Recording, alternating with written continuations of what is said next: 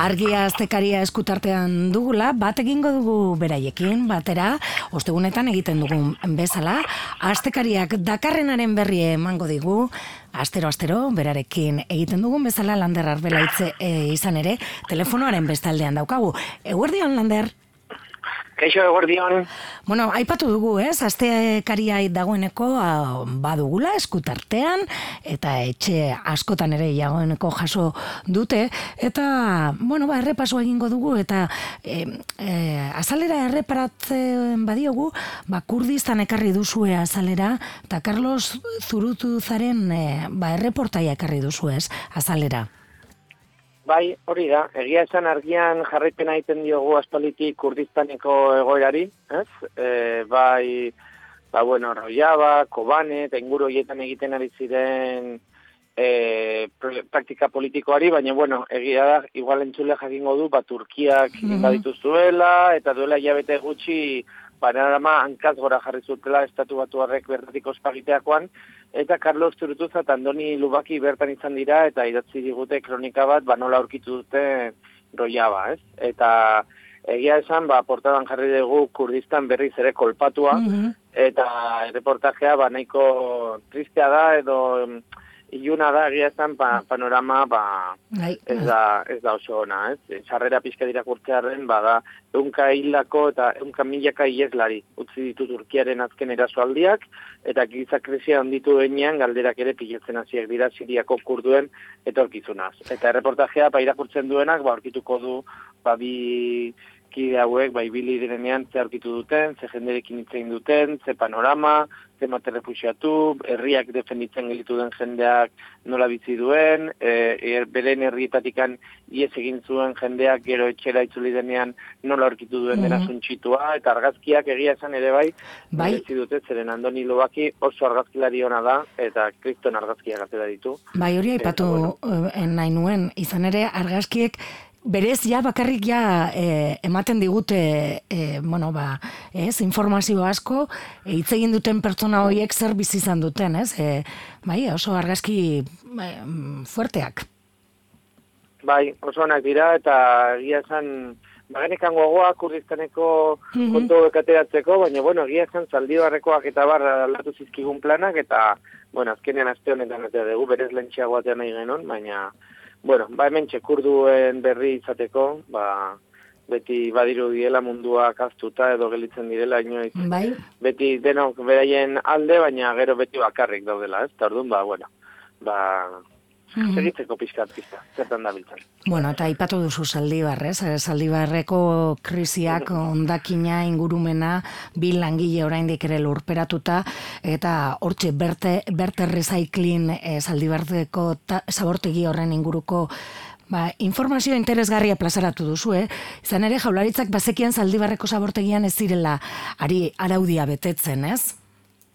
Bai, hori da, egia esan estitxu eitzagirre eta bio aldu diogu ariari, eta daramagu, ba, hori gertatu zenetik, ba, pixka honi ba, jarraipena egiten, ez? Eta azte honetan, ez ditxukatea du laborriko reportaje bat, zuka ipatutako norabidean, ez egia zan, e, bat zegoen pastela, eta guk negenun jakin, ea zer botatzen zuten bertan, eta ea jaurlaritzak e, zer nola jokatzen zuen, ez? Eta a, mhm. nola baita eskuratu ditugu, azkenean, entzuleak ulertu dezan, horrelako horrelako proiektuek, zabortegiek, erraustegiek, eta bar, behar dute ingurumen baimen bat, ez? Bai. Hori ematen du jaurlaritzak. Mm -hmm. Eta hori jasotzen duten proiektuek, eh, eman behar diote jaurlaritzari, zei jabetero, urtean behin, ba, zer erre duten, zer bota duten, eh, ondo jasota.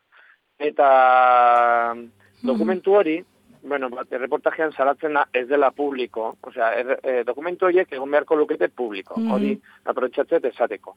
Baina, bueno, azkenean guk nola edo ala eskuratu ditugu 2008ko ingurumen baimena, batetik, eta gero baita ere eskuratu dugu, jaurlaritzak 2008an jaso zuen dokumentua Berte Recyclingek eh, entregatu ziona 2008an zer bota zuen. Eh? Bai. Eta horrik ikusten, horrik ikusten da, enpresak berak, aitortzen diola jaurlaritzari bota zituztela baimenduta etzeuden pila bat e, ondakin. Mhm.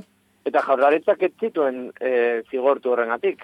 Beraz, orain gaur egun, esaten duenean e, arriolak edo urkulluk, e, hori ezin zan aurrikusi, edo ez Mhm. genekin ezer, edo enpresaren errua da, galdera esateko modua da, galdera egiteko moduan gaude, baina zuei bidaltzen zizueten e, urte, zer botatzen ari ziren, hor?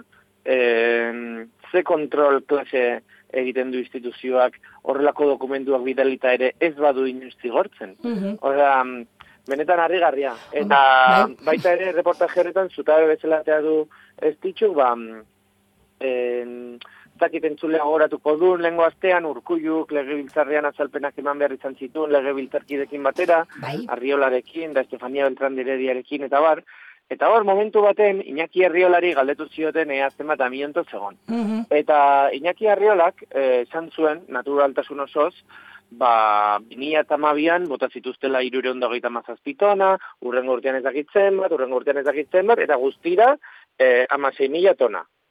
Eta kontua da, guk behiratzen badegu, be, 2000, 2008an eman zioten ingurumen baimena, gogoratu mm. gontxe esan deguna. Horren Bai. aurrekoa zen 2007koa, ez? 2007tik 2008ra zekan araudi bat. Eta hor, ez, ez zeukan ba- e, baimenduta amiantoa botatzea. Amiantoa botatzeko baimena 2008an eman Urtik, eh? zioten. Mhm. Eta arri- arriolak legebiltzarrean esan zuen aurreko urtean irureun da gaita mazazpi tona amianto bota zituztela. Bat ere kezkatu gabe eta datu hortan erreparatu gabe, baina orduan kontua da esatea batetik. Bota, bota zuten bai, amiantoa irureun da gaita mazazpi tona baimenik eduki gabe Mhm. eta jaurlaritzak ez zitun zigortu, horrengatik, hori da A, esatekoa, eta B, da, e, enpresa honekin nola funtzionatu da, e, bota dute amiantoa, eta gero ematen zaie baimena, eta hemen ez da ezer pasatzen, ez?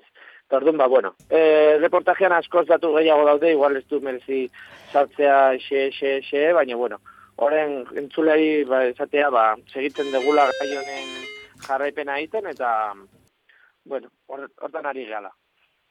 Bueno, ba, egia da, el reportaia interesgarria dela, datu gehiago agertzen direlako, eta, bueno, ba, e, astekaria ez daukan erantzat ere, basarean badagoela dagoeneko irakurgai, eta interesgarria da oso, ba, osnarketarako ere abie puntu ematen digu, ez? E, e, nolako sabortegiak ditugun, eta ondakinen kudeaketan nola egiten ari den e, bertan, ez?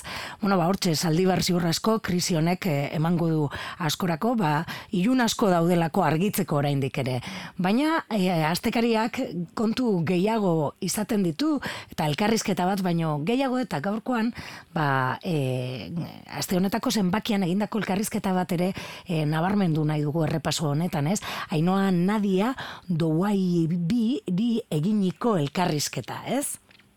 Bai, hori da, miren artetxek egin dio, eta oin- oñati arrau Bartzelonan bizi da, idatzi du liburu bat arrazismo instituzionalari buruz, eta egia esan, bera komentatzen du bera ere jatorriz marokiarra dela, eta, bueno, Mhm. ba, elkarrezketa oso interesgarria da, bai, ze arrazismo, ze barneratua daukagun, ema- ematen dio egurra, eskuinari, ezkerrari, boxi, eh, alderdi sozialistari, zein diren hemen eh, Espainian azken aldean entzun da mena eta horrelako konzeptuak, ez, Mhm. menores no acompañados, eta Mhm. esaten du ezkerrak ez dula inoiz hitz egiten arrazismoari buruz, ez baldin bada eskuin, eskuin errei arpegiratzeko arrazistak direla, eta, bueno, egia esan jartzen du bakoitza bere lekuan, eta oso elkarrizketa interesgarria oinatiar hone, honek egindakoa, bera. Mhm. Arrazismo instituzionalari buruzko liburua argitaratu du eta horren arira, horren aitzakian ere, ba bere iritziak jaso